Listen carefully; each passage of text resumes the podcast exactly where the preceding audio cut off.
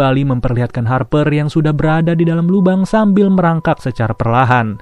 Sama seperti rintangan sebelumnya yang mereka hadapi, di rintangan kali ini Evan kembali memimpin untuk mencari jalan.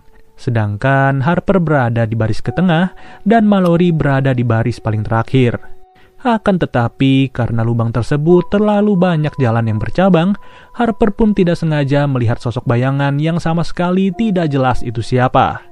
Melihat hal itu, Harper pun tidak ingin berlama-lama dan ia langsung menyusul Evan yang sudah keluar.